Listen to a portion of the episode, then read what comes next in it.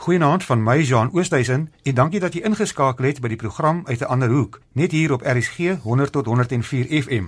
Dit is 'n program waar ons eerlik en reguit vanuit 'n ander hoek oor spiritualiteit gesels. In die program skroom ons ook nie om minder bekende en selfs uitdagende denkrigtinge oor spiritualiteit te bespreek nie. My twee gaste vanaand is die teoloog Dr Piet van Staden van die Hervormde Kerk en die paleontoloog Dr Yuri van den Heever.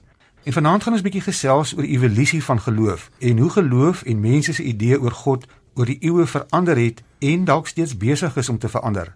Goeienaand Piet en Yuri, baie dankie vir julle deelname en baie welkom by die program. Goeienaand John, dankie Yuri. Goeienaand julle en die luisteraars. Piet, ek wil by jou begin. Jy is die teoloog hierso vanaand en jy het 'n boek geskryf jare gelede en die boek se naam is Towards a Greater God: The Evolution of Religion. En daar gaan haal jy die oorsprong van godsdiens baie ver terug. Om die waarheid te sê tot so ver terug soos die Neandertal mens. Kan jy dalk kortliks vir ons luisteraars vertel waar kom godsdiens oorspronklik vandaan voordat ons kyk hoe dit oor die eeue heen verander het en waar vind ons daardie tekens van godsdiens reg aan die begin? John, godsdiens begin by die mense waarneming of denke dan dat daar iets meer is as wat ons kan sien. En dan ontwikkel dit tot aanvanklik animisme wat beteken jy aanbid boomstompe en kom ons sê planete en die son en die maan en so aan en daarna begin mense dink daaroor en begin hulle gedagtes formuleer en word dit uiteindelik dan 'n geformuleerde godsdiens. Yuri, jy is 'n paleontoloog en jy werk elke dag met die evolusie van spesies. Wat van godsdiens? Waar kom godsdiens volgens jou vandaan? En hoe het dit gebeur dat die mens God of gode begin aanbid het? Jan, ek wil met Piet saamstem dat godsdienst waarskynlik baie baie lank gelede ontwikkel het en ons sien dit tot 'n mate by die mens anatomies moderne mens fossiele wat mense by Pinnacle Point kry. Chris Marion en sy groep het allerhande goed daar uitgewerk oor hoe seekos versamel is tydens die laagste laagwater van die vloedgety en om dit te kan doen moes die mense die stand van die maan in ag geneem het want dit het te doen met laagwater. En die gevolg is dat hulle 'n soort maankalender moes ontwikkel het om te sien wanneer om kos te versamel. En dis nou ook nie snaaks dat die maan later as 'n godin verklaar is nie. So ek wil met Piet saamstem oor hierdie storie dat natuurverskynsels waarskynlik die vroegste impetus gegee het vir 'n verwondering aan die kosmos en die natuur. Die voorbeelde waarna jy nou verwys het, verskil aansienlik van hoe ons vandag na godsdiens kyk. Hierdie sou 'n mens kon sê dat evolusie dan ook tussen mense ore plaasvind as mense dit so kan stel. Ek dink beslis so. Mense moet net bysê dat die oorspronklike formulering van evolusie het te doen gehad met die verandering van diere en plante in die natuur. Maar as jy evolusie beskou as verandering van verwante forme met tyd, dan sou mens evolusie ook kan toepas of die begrip kan toepas op die ontwikkeling van godsdienst. Vanaf is beslis 'n uh, ontwikkeling van soos Piet gesê het van 'n animistiese omgewing tot waar mense vandag allerlei filosofiese goed kwyt raak oor godsdienst. En dit sluit aan by die titel van jou boek Piet the Evolution of Religion. Is dit wat jy daarmee in gedagte het dat mense se denke oor God of gode en godsdienst voortdurend aanpas en verander soos wat die jare verbygaan? Ja, ek het geen twyfel dat dit die geval is nie. Die aanvanklike siening dat mense met ander woorde in terme van hulle verwagting kom ons sê net maar soos hierdie sê die maan bring eintlik die kos uh, as dit ware en dan mag jy die maan vereer daaroor later met die ontwikkeling van skrif kyk hierdie is nou als voorskrif later met die ontwikkeling van skrif kry uh, godsdienst 'n baie meer formele karakter en begin jy hierdie geïnstitusionaliseerde godsdienst kry met alles wat daarmee gepaard gaan soos tempels en priesters en so meer. Maar wat sou die rede wees waarom mense byvoorbeeld die maan begin aanbid het? Ek dink dit het daarmee te doen dat dit in elk geval hoër is, dat die maan 'n ligbron is waaroor die mens nie beheer het nie, soos ook die son, dat dit op 'n bepaalde manier positief inwerk op jou lewe. Die maan gee lig in die nag, die son in die dag en sulke soort van praktiese goed aanvanklik dink. Nee, ek sê saam, dit dit is so. Ek het nou net so te dink aan Charles Darwin. Sy oupa het aan so 'n gespreksgroep behoort wat eenmal 'n maand of wanneer ook al vergader het en hulle het seker gemaak dat hulle vergader wanneer dit volmaan is sodat hulle genoeg lig kan hê om huis toe te loop. So ek dink die uh, oormense was beïndruk met die omgewing, met verskynsels wat hulle nie kon beheer nie. So dit is dan net menslik om iets te agter te sit en sê dis iets wat ons lewe kan beïnvloed, kan reël en miskien moet ons dan uit ons pad uit gaan om hierdie entiteite te paai of aan ons kant te bring. Mens sien dit in die, in die in die Griekse mitologie met hulle gode dat jy die gode het goed gewerk want hulle was baie soos mense. So jy kan eintlik die, die jou die god van jou keuse paai en omkoop om jou te bevoordeel ten koste van ander mense. Ek dink dis 'n dis 'n bloot menslike reaksie. Goed, ons het nou verwys na na vroeëre tipe van godsdienste, mense wat die maan en die son aanbid het en so voort. Piet, maar as ons na die Christelike geloof kyk, dan sien ons dat dit eintlik maar 'n nuweling is in die groter prentjie. En ek weet jy het 'n interessante vergelyking in jou boek daaroor. Jy sê As 'n mens die Christelike geloof met die aarde se ouderdom vergelyk, dan is die Christelike geloof eintlik minder as 14 sekondes oud. Met ander woorde, die Christelike geloof spesifiek is eintlik 'n relatiewe nuwe verskynsel as mens dit met die ouderdom van die aarde vergelyk nie waar nie. Dis heeltemal reg. As ons die aarde se ouderdom wat 4,65 biljoen jaar is, vat as een dag, dan verskyn die Christendom 13,6 sekondes voor middernag van daai dag. So dis eintlik 'n jong godsdienst. Dis 'n geweldige jong godsdienst en word voorafgegaan aan 'n hele klomp ander godsdienste wat met die tyd natuurlik nou vervloei het en verdwyn het, kan mens sê. En Salomies dan kan aanvaar dat die Christelike godsdienst ook met verloop van jare of millennia verder sal ontwikkel en sal verander, dalk totaal ook onherkenbaar moontlik, hoe sal ons weet? Ja, ek het geen twyfel daaroor dat dit die geval is nie. As ons vooruit of wel, ons werk dan op grond van die geskiedenis, op grond van wat ons weet, is dat godsdienste 'n rap leeftyd het, dat daardie leeftyd verbygaan op grond van veranderende denke en insig en dan veral as ons dan wel praat oor die wetenskap, nuwe wetenskaplike insigte en uitvindings en ontdekkings wat ons hele siening, ons konsep van God. Dis interessant dat jy gebruik die term dat godsdienste 'n rakleeftyd het en ek wil nou vir Yuri inbring as wetenskaplike Yuri in die natuur is daar spesies wat die vermoë het om aan te pas en hulle oorleef. Ons praat van natuurlike seleksie. So jy sien dieselfde geld vir godsdiens en het godsdiens regtig die vermoë dink jy om aan te pas en te oorleef gegee die wetenskaplike kennis waaroor ons vandag beskik waarna Piet nou ook verwys het. Ek dink die moontlikheid bestaan, Jean, daar is van my kollegas en vriende wat sê maar die kerk gaan verdwyn, die kerk het nie meer 'n plek nie, maar ek dink hierdie verwondering aan die heelal is so inherent. Jy kan amper sê dit is uh, evolusionêr ontwikkel en uh, godsdienst het ontwikkel dink ek saam met die vergroting van die brein. So om om die komplekse godsdienste van vandag te verstaan, moet jy ook verstaan dat dit net mense is wat daaraan deelneem, mense met 'n sekere kognitiewe kapasiteit en dat dit gaan verander dink ek is definitief so want mense sien nou al dat daar van gesore ateëste stellings kom dat hulle so verwonderd is aan die kosmos. Nou dis op 'n bloot wetenskaplike insig gebaseer dat die kosmos so oorweldigend en wonderlik dat dit amper die idee van 'n persoonlike god, 'n ou man met grys hare verdring En van die mense maak aanspraak daarop dat om deel te wees van hierdie groot kosmos is 'n spirituele ervaring. So as uh, godsdienst ons denke oor godsdienst verander, mag dit dalk in so 'n rigting gaan met al ons kennis, want dit is die groot ding. As jy die inligting het, dan kan jy afleidings maak. Mense in die Bybelse tyd het God met metafore beskryf van dat hulle nie inligting gehad oor wat werklik in die natuur plaasvind nie. So ek dink die kennisontploffing is is is baie belangrik in in hierdie verband en dit sal waarskynlik godsdiens dan in so 'n kosmiese rigting dryf. Pietma, is dit nie gevaarlik vir 'n Christen om te sê dat die Christelike geloof kan dalk onherkenbaar verander nie? Het Christene nie geleer God is gister en vandag en môre presies dieselfde nie? Dis reg. Die ding is dat mense se siening van God, wat eintlik alles wat ons het in die Bybel ook, is mense se siening van God. Dit verander wel. Ons kan dan sê goed God verander nie, maar menslike insigte oor God verander en dit is gebonde aan tyd en eksterne omstandighede. Maar hoe sou 'n mens die woord God dan definieer?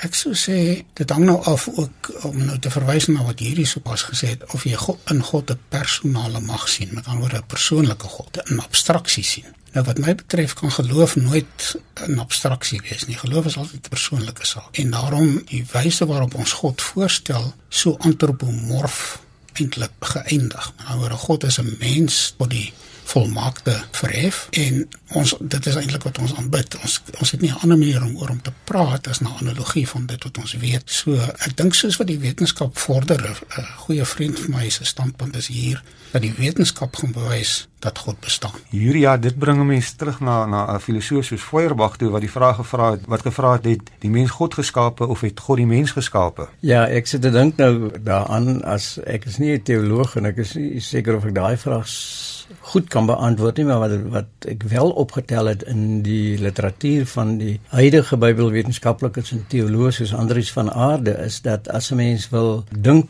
of jy vir jou geloof verbind aan 'n persoon, dan is sy voorstel dat 'n mens die eerste eeuse Jesus moet gebruik as die rolmodel. Want soos ons vandag in die kerk en ons kerk Jesus verstaan en bely handel oor besluite wat by vergaderings geneem het oor die oor die godheid van Jesus en die feit dat hy uit 'n maagd gebore is wat doodgewoon nie waar is nie. Dit was 'n jong meisie dit was nie 'n maagd nie. So ek dink ons het in 'n sekere sin 'n skiewe beeld van hoe ons God of Jesus dan sien En daar is teoloë wat sê gaan terug na die eerste eeu se Jesus en daar sal jy sien dat dit eintlik gaan oor naaste liefde. Dink jy kortliks, dink jy uh, godsdiens sal die wetenskap oorleef? Ek dink godsdiens gaan verander want die wetenskap is gedurig besig om te verander en dit stel eintlik uitdagings aan aan godsdiens, maar is eintlik aan die kerk en hoe godsdiens geïnterpreteer word. As die kerk nie daai uitdagings aanvaar nie,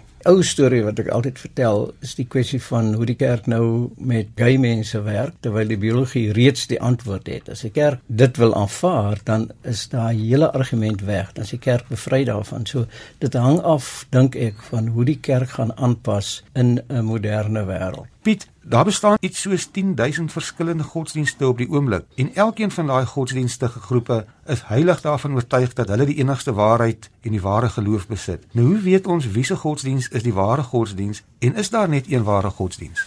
Ek dink die antwoord daarop is eenvoudig. Mense moet vra hoeveel gode is daar? En ek dink die antwoord daarop is natuurlik een.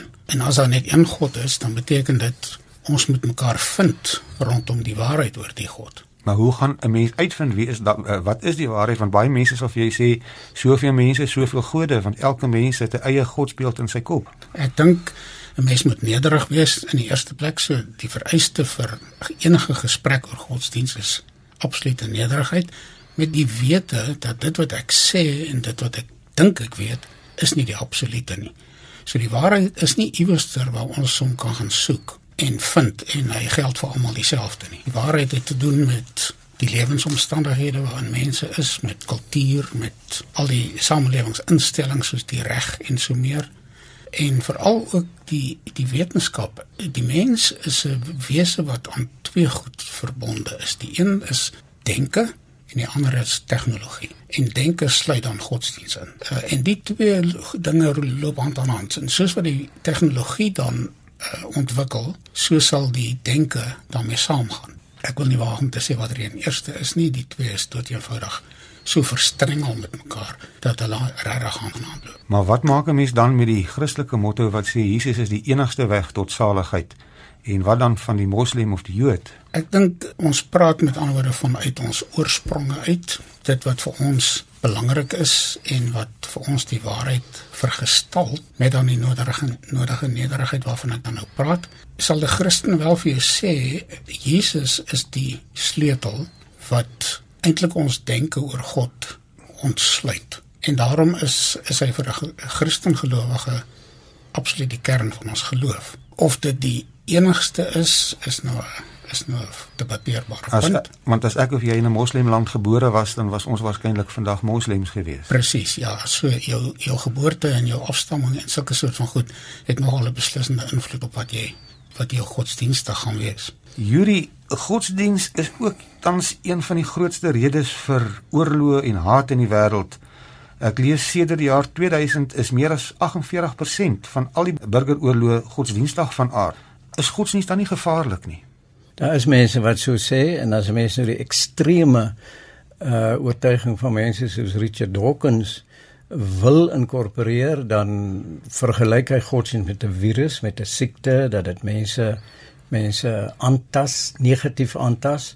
Hy het selfs al die stelling gemaak dat dit is nie so erg as 'n klein dogtertjie gemolesteer word nie, want sy kan daarvan herstel, maar dit is veel erger om godsdienstig geïndoktrineer te word. Nou eh, dit is so 'n militante en 'n ekstreme posisie. Dis moeilik om 'n gesprek te voer met so iemand. Iemand wat ek baie geadmireer het, goeie vriend van my Fernand Duist, het elk geval erken, ek sal nou nie sê watter kerk nie, maar ons sal almal weet watter een het hy gesê dat die kerk het deur die eeue 'n bloedspoor gelaat.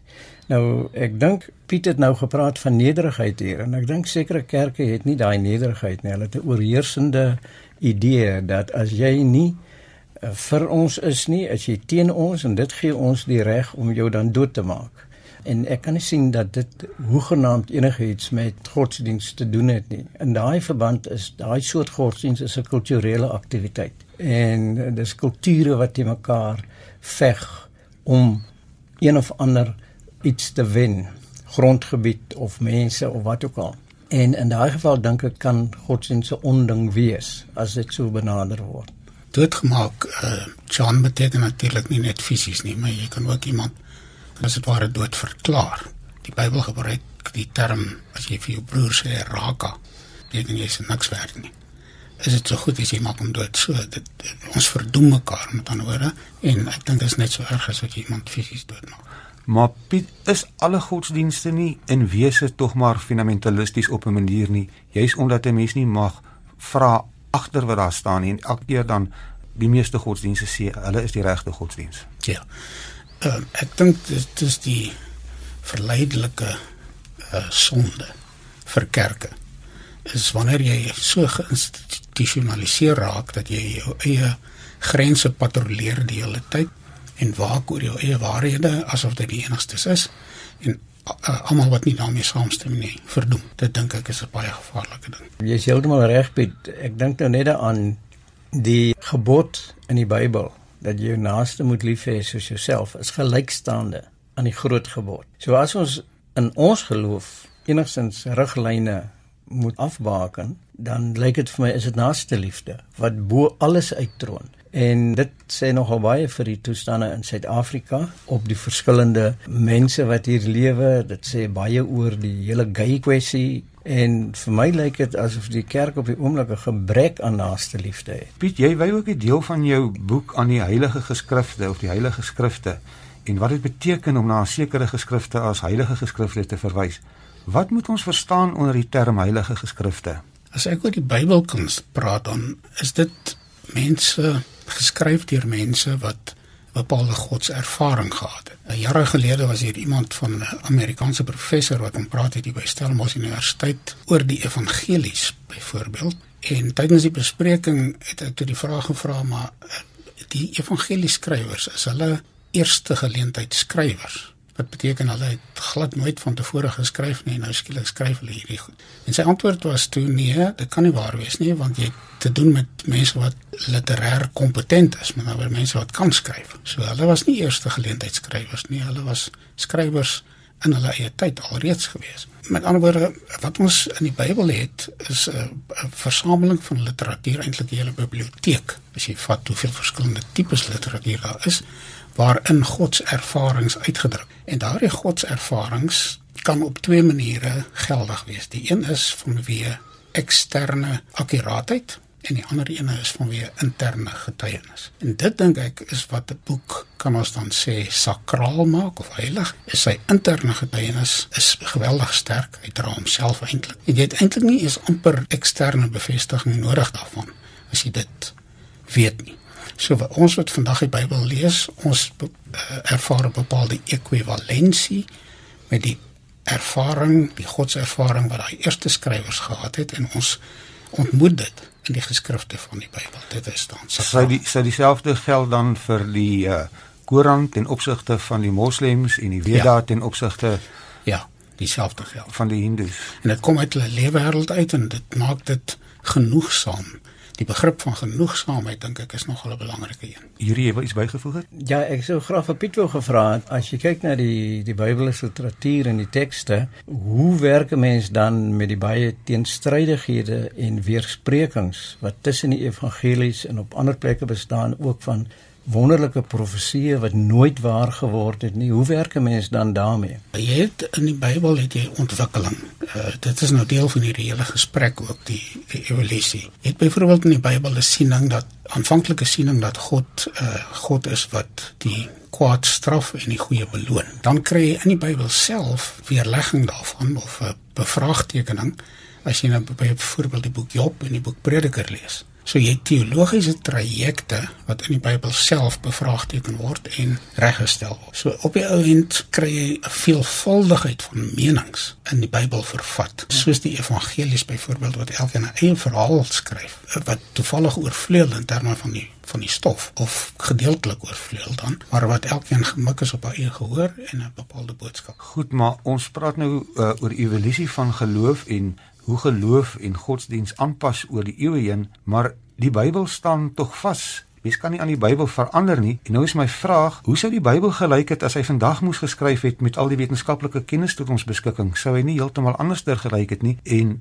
moet die Bybel dan ook 'n evolusieproses deurgaan of of of, of sy in sement gegiet? Die Bybel is, ges, is gestol op grond van 'n besluit wat 'n bepaalde nodig geneem het. So hy kan nie verder bykry nie, maar in in prinsip is hy oop uh, en kan elke uitspraak wat vandag gemaak word wat betrekking het op God en 'n verstaan van God wat ons dan kan sê iets verbeeld van die ware God se waardes kan opgeneem word in die Bybel sou kom as hy as hy oop was. Dis natuurlik onprakties, maar in in beginsel is dit moontlik. Maar goed, as dit 'n synode besluit was en ons weet dit was 'n synode besluit, waar kom die idee dan daarvan dat die Bybel die onfeilbare woord van God is?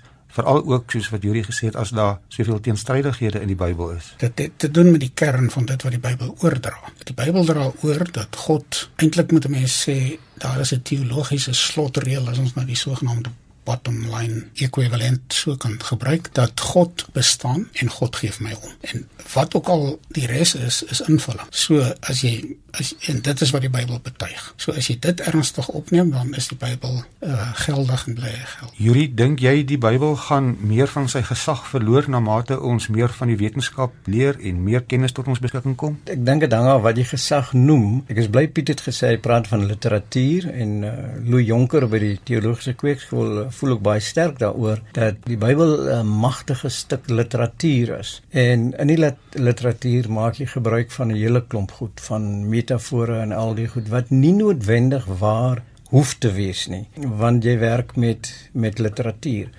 So ek dink as die wetenskap met meer en meer dinge vorendag kom, daar word baie interessante goed gedoen nou in die neurobiologie oor hoe ons brein werk, hoe hoe ons godsbegrip werk wanneer mense begin in tale praat en seker God se ervarings gehad het, dan dink ek kan die wetenskap uh, 'n uh, klomp goed toevoeg, maar as jy die die Bybel beskou as 'n stuk antieke literatuur uit 'n uit 'n spesifieke tyd, dan dink ek dan gaan dit in elk geval nog altyd waarde hê. Ons gooi nie ou geskrifte weg deesdae omdat dit nie meer geldig is nie maar dit dit bou ons verlede uit dit maak ons verlede baie ryker deur te weet wat mense in 'n voortyd gedink en gedoen het. Ons moet afsluit Piet van jou kant af adapt or die pas aan of sterf. Moet die kerk aanpas as hy wil oorleef en hoe moet die kerk aanpas? En dink jy godsdienst gaan oorleef, maar dalk net heeltemal in 'n ander vorm? Die kerk moet uit die hart van die saak aanpas. Daar is allerlei nuwe vereistes wat gestel word. As die kerk as draer van 'n boodskap wil optree in die samelewing en die boodskap volgens sy eie definisie is een wat hy van God af kry, dan is daar geen twyfel dat hy moet aanpas in terme van die ontwikkeling en die tegnologiese innovasies wat plaasvind nie. Ek het in my persoonlike gemoed geen twyfel daaroor dat die kerk sal voortbestaan nie dit sal inderdaad 'n heeltemal 'n ander vorm wees dink ek. Hierdie laaste 20 sekondes van jou kant af, as jy iets wil sê? Ek wil saamstem met Piet. Ek dink die wetenskap dra ook 'n boodskap oor. En alhoewel ons uh, moet sê dat wetenskaplike inligting nooit absoluut 100% feitelik waar is nie, word dit deur toetsing en verskeie ander metodes tot op so 'n punt gevoer dat dit, jy dit nie meer kan ontken nie. So wat ons weet van ons vandag is dat ons as mense het ontwikkel op hierdie planeet deur evolusie, ons is verwant aan alle ander diere en aan plante en ons word onderhou deur die aarde. So as godsdienst moet verander, dan dink ek moet dit groen word. Dit moet erken dat ons in 'n kosmos lewe waarvan ons deel is, waarvan ons deel van die stof is En as die godsdienst dit kan vermag, dink ek sal dit voortbestaan. Ons tyd is verstreke en hier moet ons haltroep. Baie dankie aan my twee gaste, Dr Piet van Staden, 'n teoloog van die Hervormde Kerk, en die paleontoloog Dr Yuri van den Heever. As jy verder hieroor wil gesels, stuur gerus vir ons 'n SMS na 45770. Dit kos jou R1.50 of besoek ons Facebookblad uit 'n ander hoek. My e-posadres is jean.oosthuizen met 'n z@gmail.com. En onthou Al die programme in die reeks, asook die vorige twee reekse se programme, is as potgoeie beskikbaar op RSG se webwerf. Van my, Jean Oosthuizen, totsiens tot volgende Sondag aand net na die 7 uur nuus, net hier op RSG 100 tot 104 FM.